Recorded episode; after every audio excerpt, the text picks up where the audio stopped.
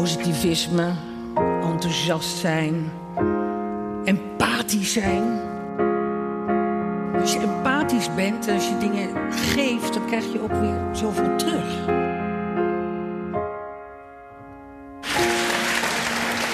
Monique, wat ontzettend leuk en bijzonder dat je hier bent. Um, en wij nemen deze podcast op vanuit een bijzondere locatie. Um, namelijk het hoofdkantoor van Ensinger Gielissen hier op de Herengracht. We zitten in een prachtige ontvangsthal. En we gaan het hebben over lessen voor een rijker leven. We hebben zojuist naar een video gekeken. Daarin hebben we een uh, aantal scènes gezien uit films waarin jij hebt gespeeld. We hebben romantische scènes gezien, spannende scènes, uh, mysterieuze scènes, grappige scènes. Um, op welke van al jouw rollen of successen ben je nu eigenlijk het meest trots? Ja, dat kun je zo moeilijk zeggen. Het, het, het begint natuurlijk allemaal bij Turks Fruit. En elke rol leidt weer tot een volgende rol. En ja, ik, ik, ik ga daar niet één uitpikken. Dat zou ik, dat zou ik zonde vinden. Oké, okay, en over Turks fruit gesproken. We hebben het in deze podcast over lessen voor een rijker leven. Veel mensen willen natuurlijk van hun hobby hun beroep maken. Of sommige mensen willen bekend of beroemd worden. Jij brak door op je negentiende.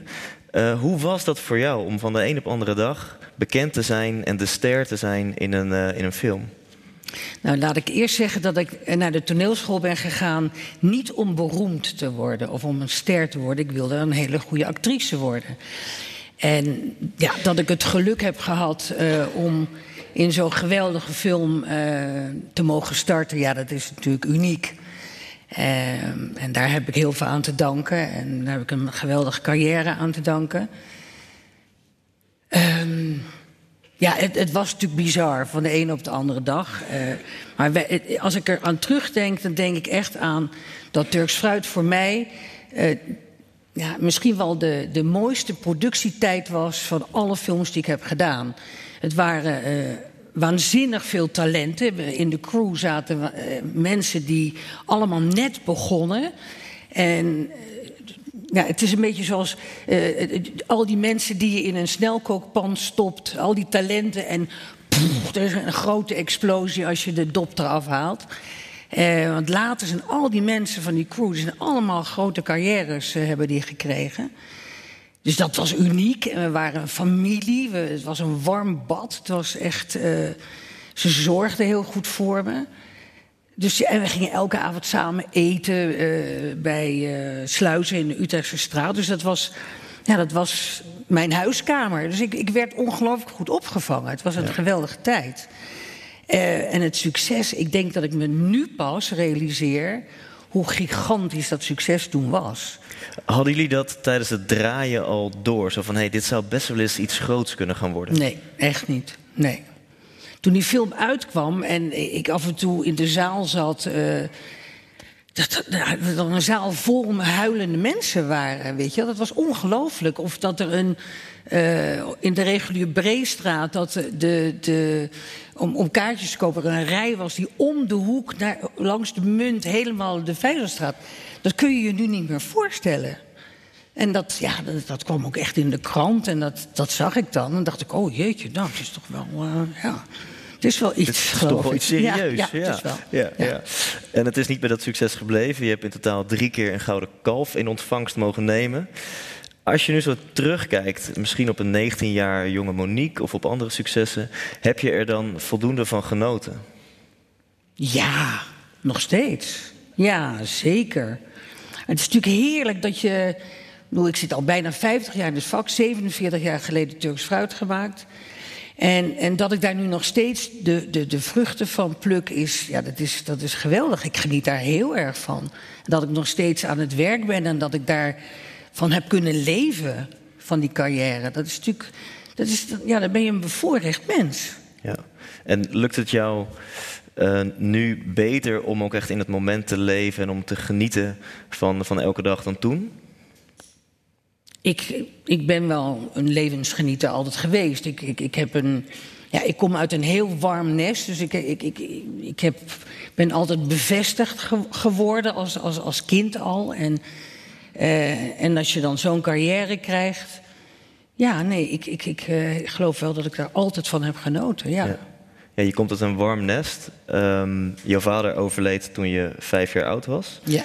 Wat is de impact daarvan geweest op jouw leven? Ja, die is natuurlijk heeft die, heeft die wat uh, met, met mij gedaan. Uh, hoewel ik er niet zo heel veel van herinner.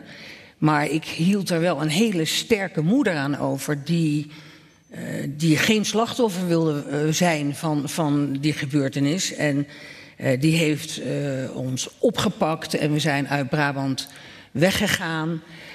terug naar Den Haag. En mijn moeder begon meteen, uh, die, die, nam een, een, een, meteen een volledige baan. En wij werden heel goed opgevangen door de familie. Het was een, ja, weet je, dat was waanzinnig. mijn moeder is echt een waanzinnig groot voorbeeld geweest altijd. Ja. Kun je daar eens wat over vertellen? Neem ons eens mee in, in jouw jeugd. Hoe ben je door je moeder opgevoed? En hoe ja. heeft dat jou gevormd? Nou, mijn moeder was heel vrij gevochten en ja, totaal niet burgerlijk. Die, mijn moeder deed al yoga in de jaren 50, ging naar India en uh, uh, van twee kleine sheltertentjes maakte ze een bungalowtent. En dan zei ze: Kom op, we gaan uh, de wereld in. En dan gooiden ze drie kinderen achterin en dan deden we Europa. Of dan, dan zei ze: We gaan nu, we doen Parijs. The American Way. En dan scheurden ze langs alle grote gebouwen. En dit is Sacré-Cœur. En dit is oh, de Eiffeltoren. Dan gaan we even koffie zetten. Dan kon je dus nog onder eh, de Eiffeltoren met je auto. En dan haalden ze een campinggasje eruit. En dan dronken we koffie onder de Eiffeltoren. Ja, een, een meestelijke moeder. En zo'n zo'n vrije moeder, zo'n vrije opvoeding, op welke manier heeft het jou gevormd, uh, denk je? Ben je daardoor anders naar de wereld gaan kijken? Of, of dan, dan misschien je, je generatie en leeftijdsgenoten? Nou ja, een moeder die je als, als mens en als kind bevestigt, dat is, dat is al om heel gelukkig van te worden. Uh, een moeder die uh, op een gegeven moment na mijn, uh, voordat ik eindexamen ging doen, middelbare school, naar een docent ging en zei: Wat doen we met Monique? En uh, dan zei, toen zei die man van nou, er is een, een academie in Den Haag. En, en daar is een zomercursus. Volgens mij moet ze dat doen. Oh, dat gaan we doen. Het was dan een academie voor podiumvorming. En ik vond het fantastisch. En dat, dat mochten ze allemaal. Daar heb ik een jaar op gezeten. En toen kwam Turks Fruit. Uh, en zij moest uiteindelijk we gaan de, de weg naar Turks Fruit nog maar even uh, uh, vertellen. Maar zij moest het contract tekenen en, en vroeg aan mij: Wil je dit? Wil je bloot? Wil je? Nou ja, ja hoor. Nou, oké. Okay. Dus ja, ik heb wel heel veel aan mijn moeder te danken. Ja, ja, het was een ja. hele vrijgevochten geest en dat uh, heerlijk. Nou, dit lijkt me een heel mooi moment om een brief voor te lezen. Uh, we hebben aan iedereen uh, die we hebben geïnterviewd voor deze podcastserie gevraagd om ook een brief te schrijven aan je jongere ik. Welke wijze levenslessen heb je nu voor die jongere versie van jouzelf? Ja, goed. Lieve jonge ik. Eigenlijk vind ik dat je het op die jonge leeftijd niet zo slecht gedaan hebt. Je was nieuwsgierig, leergierig, open en geïnteresseerd. Je hebt keuzes gemaakt en je bent in het diepe gedoken. Het resulteerde in een geweldige ervaring en een prachtige film. Sommige mensen zeggen dat je geluk hebt gehad. En dat is ook zo. Geluk dat je op je negentiende de hoofdrol kreeg in de meest succesvolle film van de 20e eeuw. Geluk dat je als toneelschoolleerlingen op Hans Kemna afstapte, die Turks fruit kaste, en het geluk dat hij wat in je zag. Geluk dat je een genie als Paul Verhoeven als regisseur kreeg. En geluk dat je tegenspeler Rutger Hauer was. Maar ook geluk dat je in een tijdperk leefde waarin vrijheid het grootste goed was. Dat je de vrijheid had om een film te maken zoals jullie vonden dat het goed was. En ik denk dat door die eigen gereidheid de Nederlandse film zo'n succes had in die jaren. Ja, misschien wel met het gevaar dat je op je bek ging, maar ook met de kans dat je iets unieks maakte. In de jaren daarna heb je alle kansen gekregen om de meest verschillende rollen te spelen. Soms denk ik wel eens dat film jouw leven bepaald heeft. Dat je erdoor bent opgevoed en wijs geworden. Film heeft je volgens mij heel veel over het leven geleerd. Er zijn ook moeilijke tijden geweest. Er werd veel van je verwacht. Je trouwde absurd jong. Je werd geconfronteerd met conflicten en de harde kanten van het filmleven. Je naïviteit, spontaniteit en enthousiasme werden op de proef gesteld. Door naar Amerika te gaan, gaf je je leven een nieuwe impuls en jezelf een kans om volwassen te worden. Je ging studeren aan de Universiteit van UCLA en het American Film Institute, waar je je verder kon ontplooien en ondertussen deed je audities in Los Angeles. Je genoot, maar had tegelijkertijd enorme heimwee naar familie en vrienden en naar het filmleven in Nederland. Je nam zelfs een kleine rol aan in Dr. Vlimme om maar even terug te kunnen gaan. Je huwelijk was lastig bij elkaar te houden. Alsmaar van elkaar gescheiden doordat hij altijd in het buitenland was. En jij heen en weer vloog om in Nederland films te maken. En ja, tijdens een van die films in Nederland sloeg de liefde toe. Het was niet meer te stoppen. En je moest een hele grote, moeilijke beslissing nemen. Alles achter je laten, je huwelijk stoppen en terug naar Nederland gaan. Het bleek de grote ommekeer in je leven. Je durfde radicaal te zijn, zelfs je eigen weg te kiezen en niet meer je leven te laten bepalen door anderen. Onafhankelijk te zijn. De les die je moeder je constant had meegegeven. De keuzes van je films veranderden. Je werd maatschappelijk betrokken. Je werd een bestuurder. En je had een gelijkwaardige, liefdevolle relatie. En je bent moeder geworden.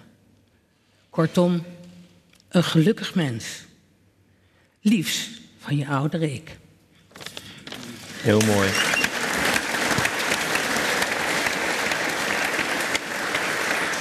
En Monique, je, je, raakt mij, je raakt de mensen hier in de zaal. Hoe vond je het om uh, deze brief aan jezelf te schrijven? Daar heb ik wel even over gedaan. Het is heel lastig om. Want als ik dan terugkijk naar dat meisje. Ja, toen was ik jong en mooi, nu ben ik alleen nog maar mooi. Zei mijn, zei mijn vroeger, mijn oude vriend Paul Muller altijd. Ja. Um, ik moest er wel heel erg over nadenken in wel, welke vorm ik dat zou gaan gieten. Want lessen aan je jongere ik, dat betekent dat je dingen niet goed hebt gedaan en dat je ze. Ik geef je nu nog advies zodat het beter wordt. En dat wilde ik niet. Ik wilde niet zo met een vingertje naar mezelf wijzen. Want ik, nou, ik, ik, ja, nogmaals, zoals ik in de brief al schrijf, ik, ik heb dat in de jonge jaren behoorlijk goed gedaan. Ik heb heel erg naar mijn intuïtie geluisterd. En uh, ben altijd enthousiast geweest en, en, en empathisch geweest naar de wereld om me heen. Ja. Dus ik, ja.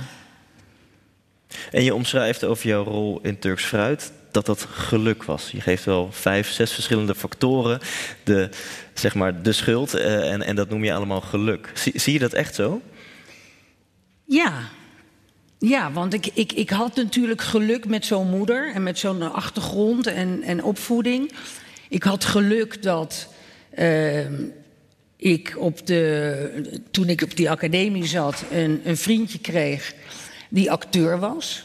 Die toevallig auditie deed, uh, zou doen voor Turks Fruit. Dus ik dacht, oh, nou ga ik snel dat boek nog maar even lezen. Uh, hij, geluk dat hij een foto moest laten maken bij uh, bij Pansok, want dat wilde, uh, Paul Verhoeven wilde van iedereen foto's. En die fotograaf zei, joh, ga jij ook even voor die camera, doe even dat bondvel aan en kijk even sexy in die, in die camera. Nou, dat deed ik allemaal en... ja, en toen had ik die prachtige foto's. en, en, en toen ontmoette ik Hans Kemna en leerde ik Paul Verhoeven kennen. Hij belde ook op van, kom je naar Amsterdam, kan je Paul ontmoeten.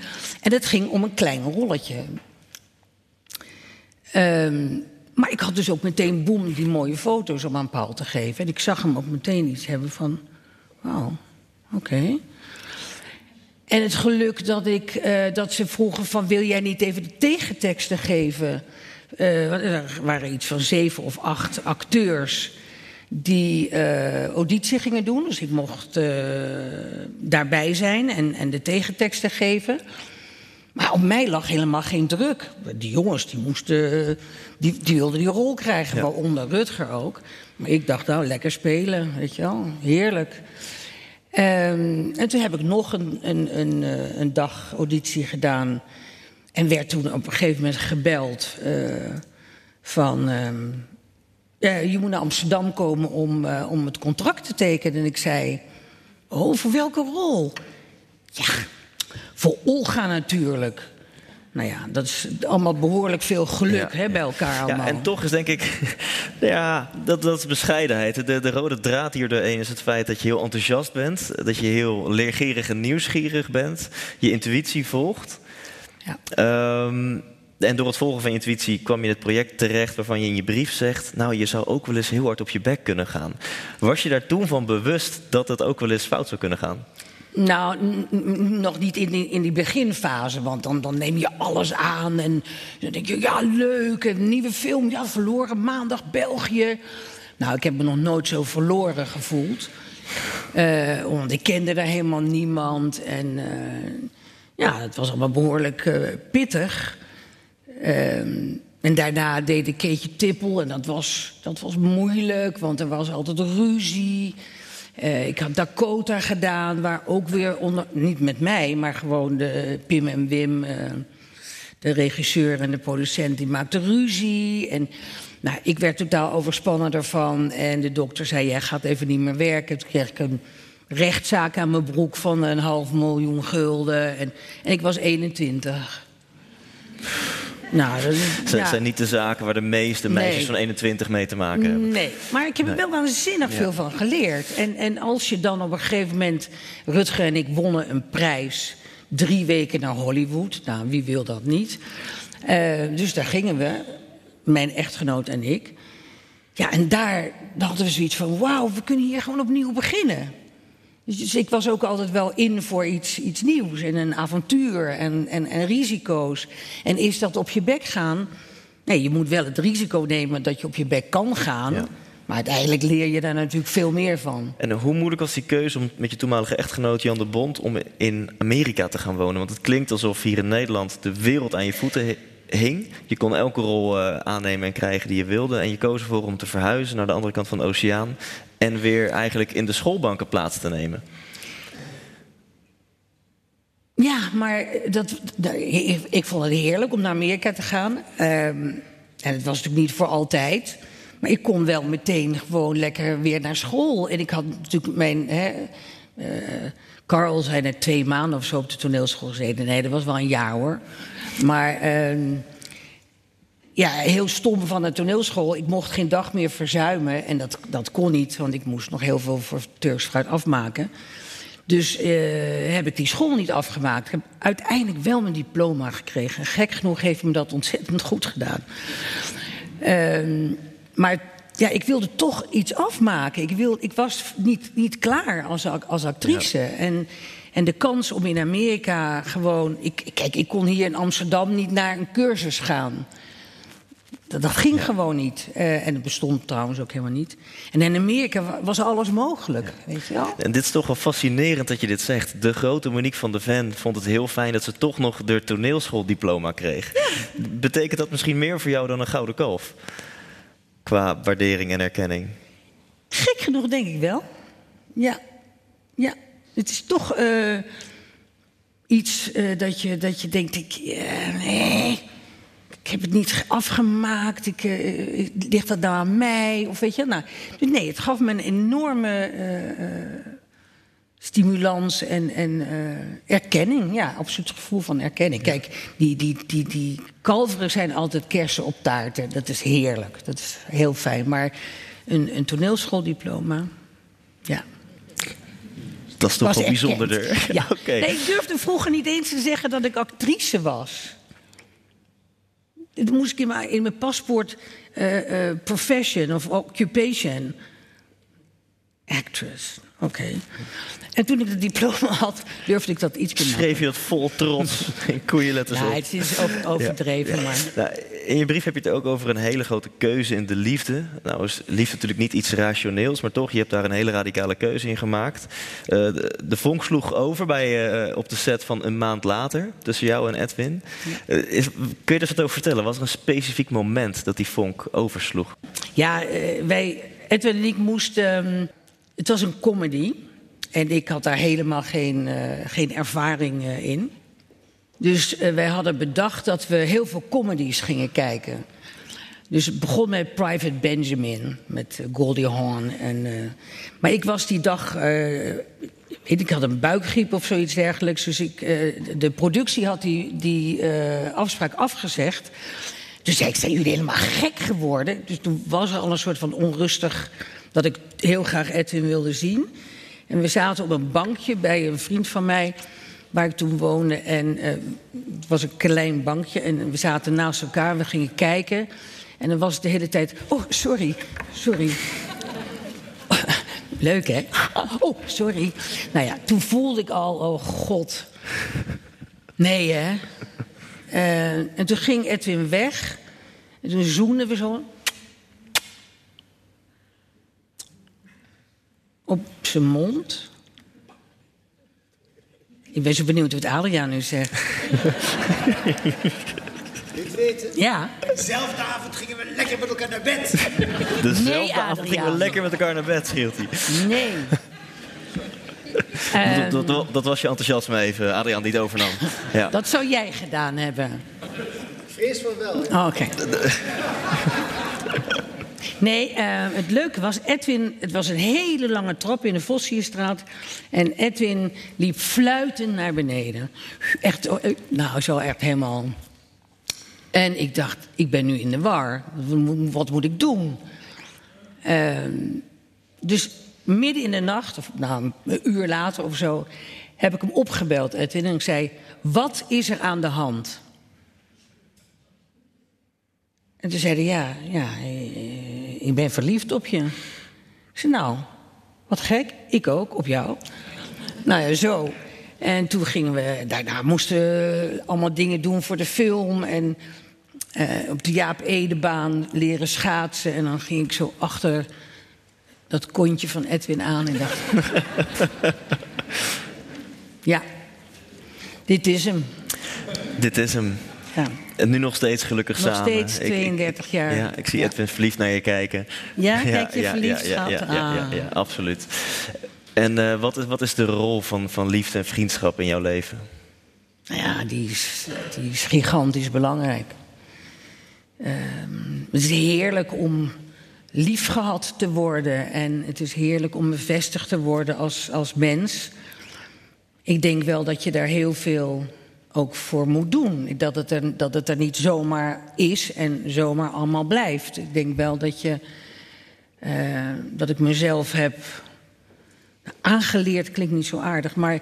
Uh, me heel bewust van het feit dat je er wat voor over moet hebben om lief voor elkaar te zijn, naar elkaar te luisteren. Uh, als Edwin s'avonds gaat spelen, spelen, in het theater speelt en komt om één uur s'nachts terug, is het heel ongezellig als het, uh, het huis donker is en ik al in mijn bed lig. Dus ik zorg altijd dat ik dan nog op ben. Dat we even lekker aan de, tafel, aan de keukentafel met een glaasje wijn nog even de avond doornemen. Um, ja, voor mij zijn ook de, de, momenten van geluk, of dat ik me realiseer hoe gelukkig ik daar in, in die liefde en in, in, in die relatie met Edwin ben. Is als ik in het donker in mijn bed lig naast hem en ik voel zo zijn hand op, op mijn hand. En dan komen er vier kneepjes. En die kneepjes zeggen: Ik hou van jou. En dan knijp ik terug: Ik ook van jou. Heel veel. Heel veel. En dat hebben we afgesproken omdat we, als we niet meer tegen elkaar kunnen zeggen hè, dat we, als we ziek zijn of als we dat niet meer tegen elkaar kunnen zeggen, dat we altijd nog de kneepjes hebben om onze liefde voor elkaar te uiten. Daar, is, dat, ja, daar Nou, hoor je volgens mij heb je heel veel mensen in de zaal geïnspireerd om deze codetaal ook te introduceren. Zelfs een applaus. Wauw, wauw. Ja. En jullie, ehm, jullie hebben samen twee, eh, twee kinderen gekregen. Ehm, jullie oudste zoon eh, Nino is overleden op hele jonge leeftijd, op 20 maanden oud. Ja. Eh, wat is de impact daarvan geweest op jouw leven? Nou ja, die is gigantisch. Uh, dat, dat is denk ik het ergste wat je kan overkomen als ouder.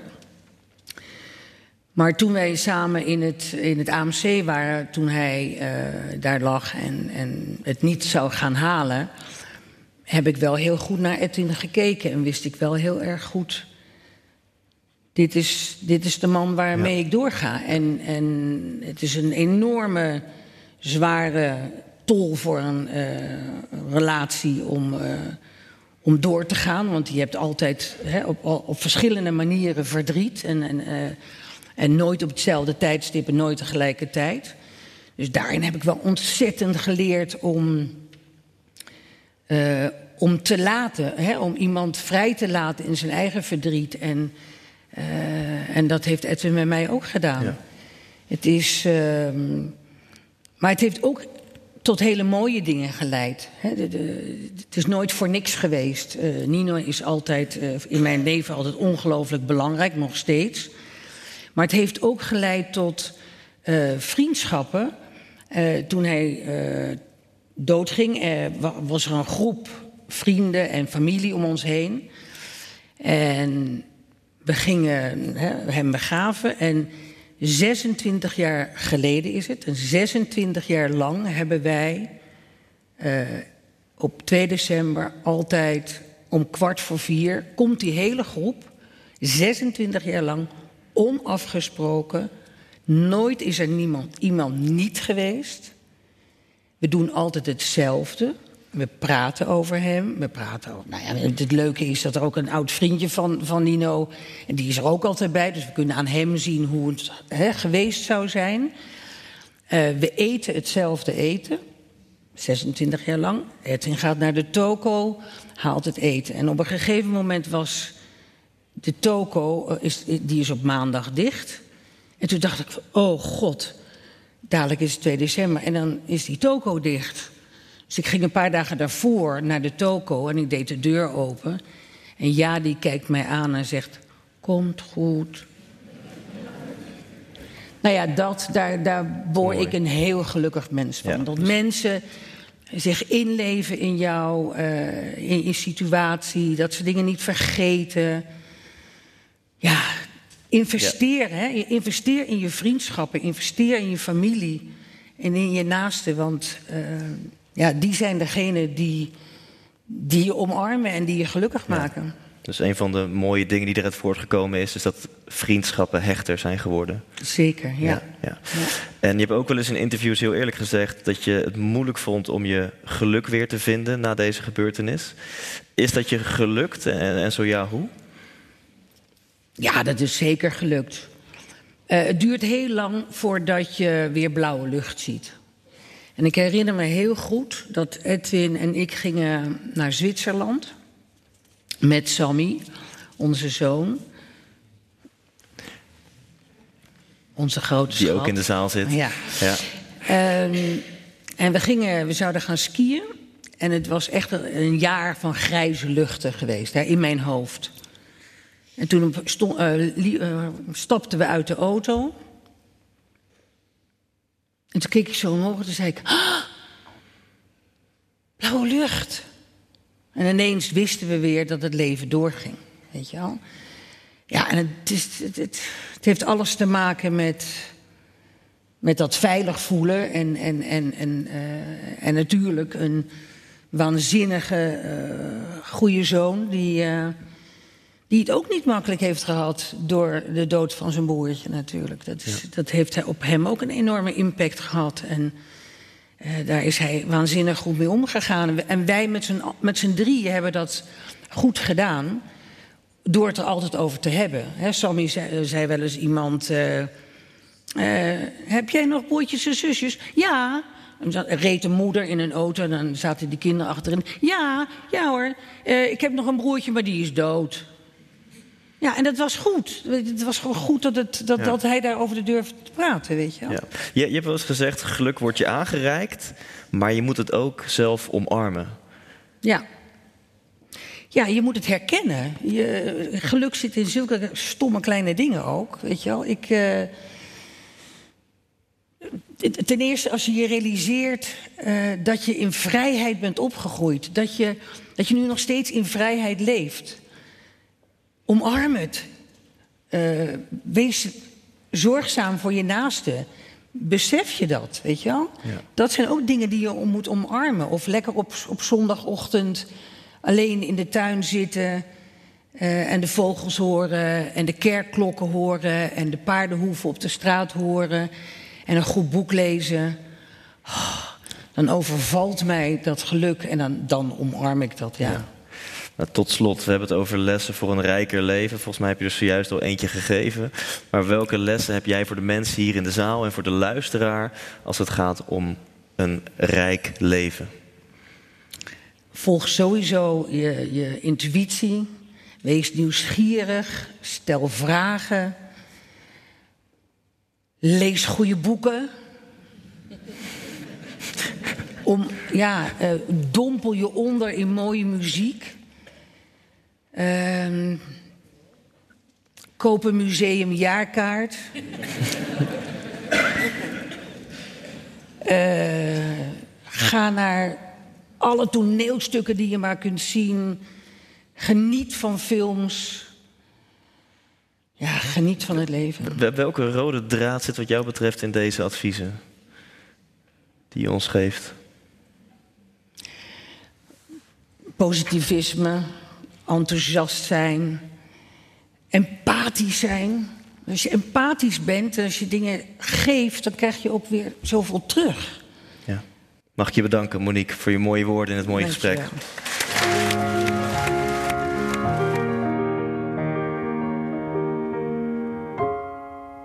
Ervaar een rijker leven. Ontdek de waarde van een partner die u echt begrijpt. Een netwerk dat u inspireert. En een service die zich uitstrekt tot uw dierbaren. Zodat u zich kunt richten op de ervaringen die er het meest toe doen. Met degene die er het meest toe doen. Private banking bij Insinger Gielissen. Every step of the way.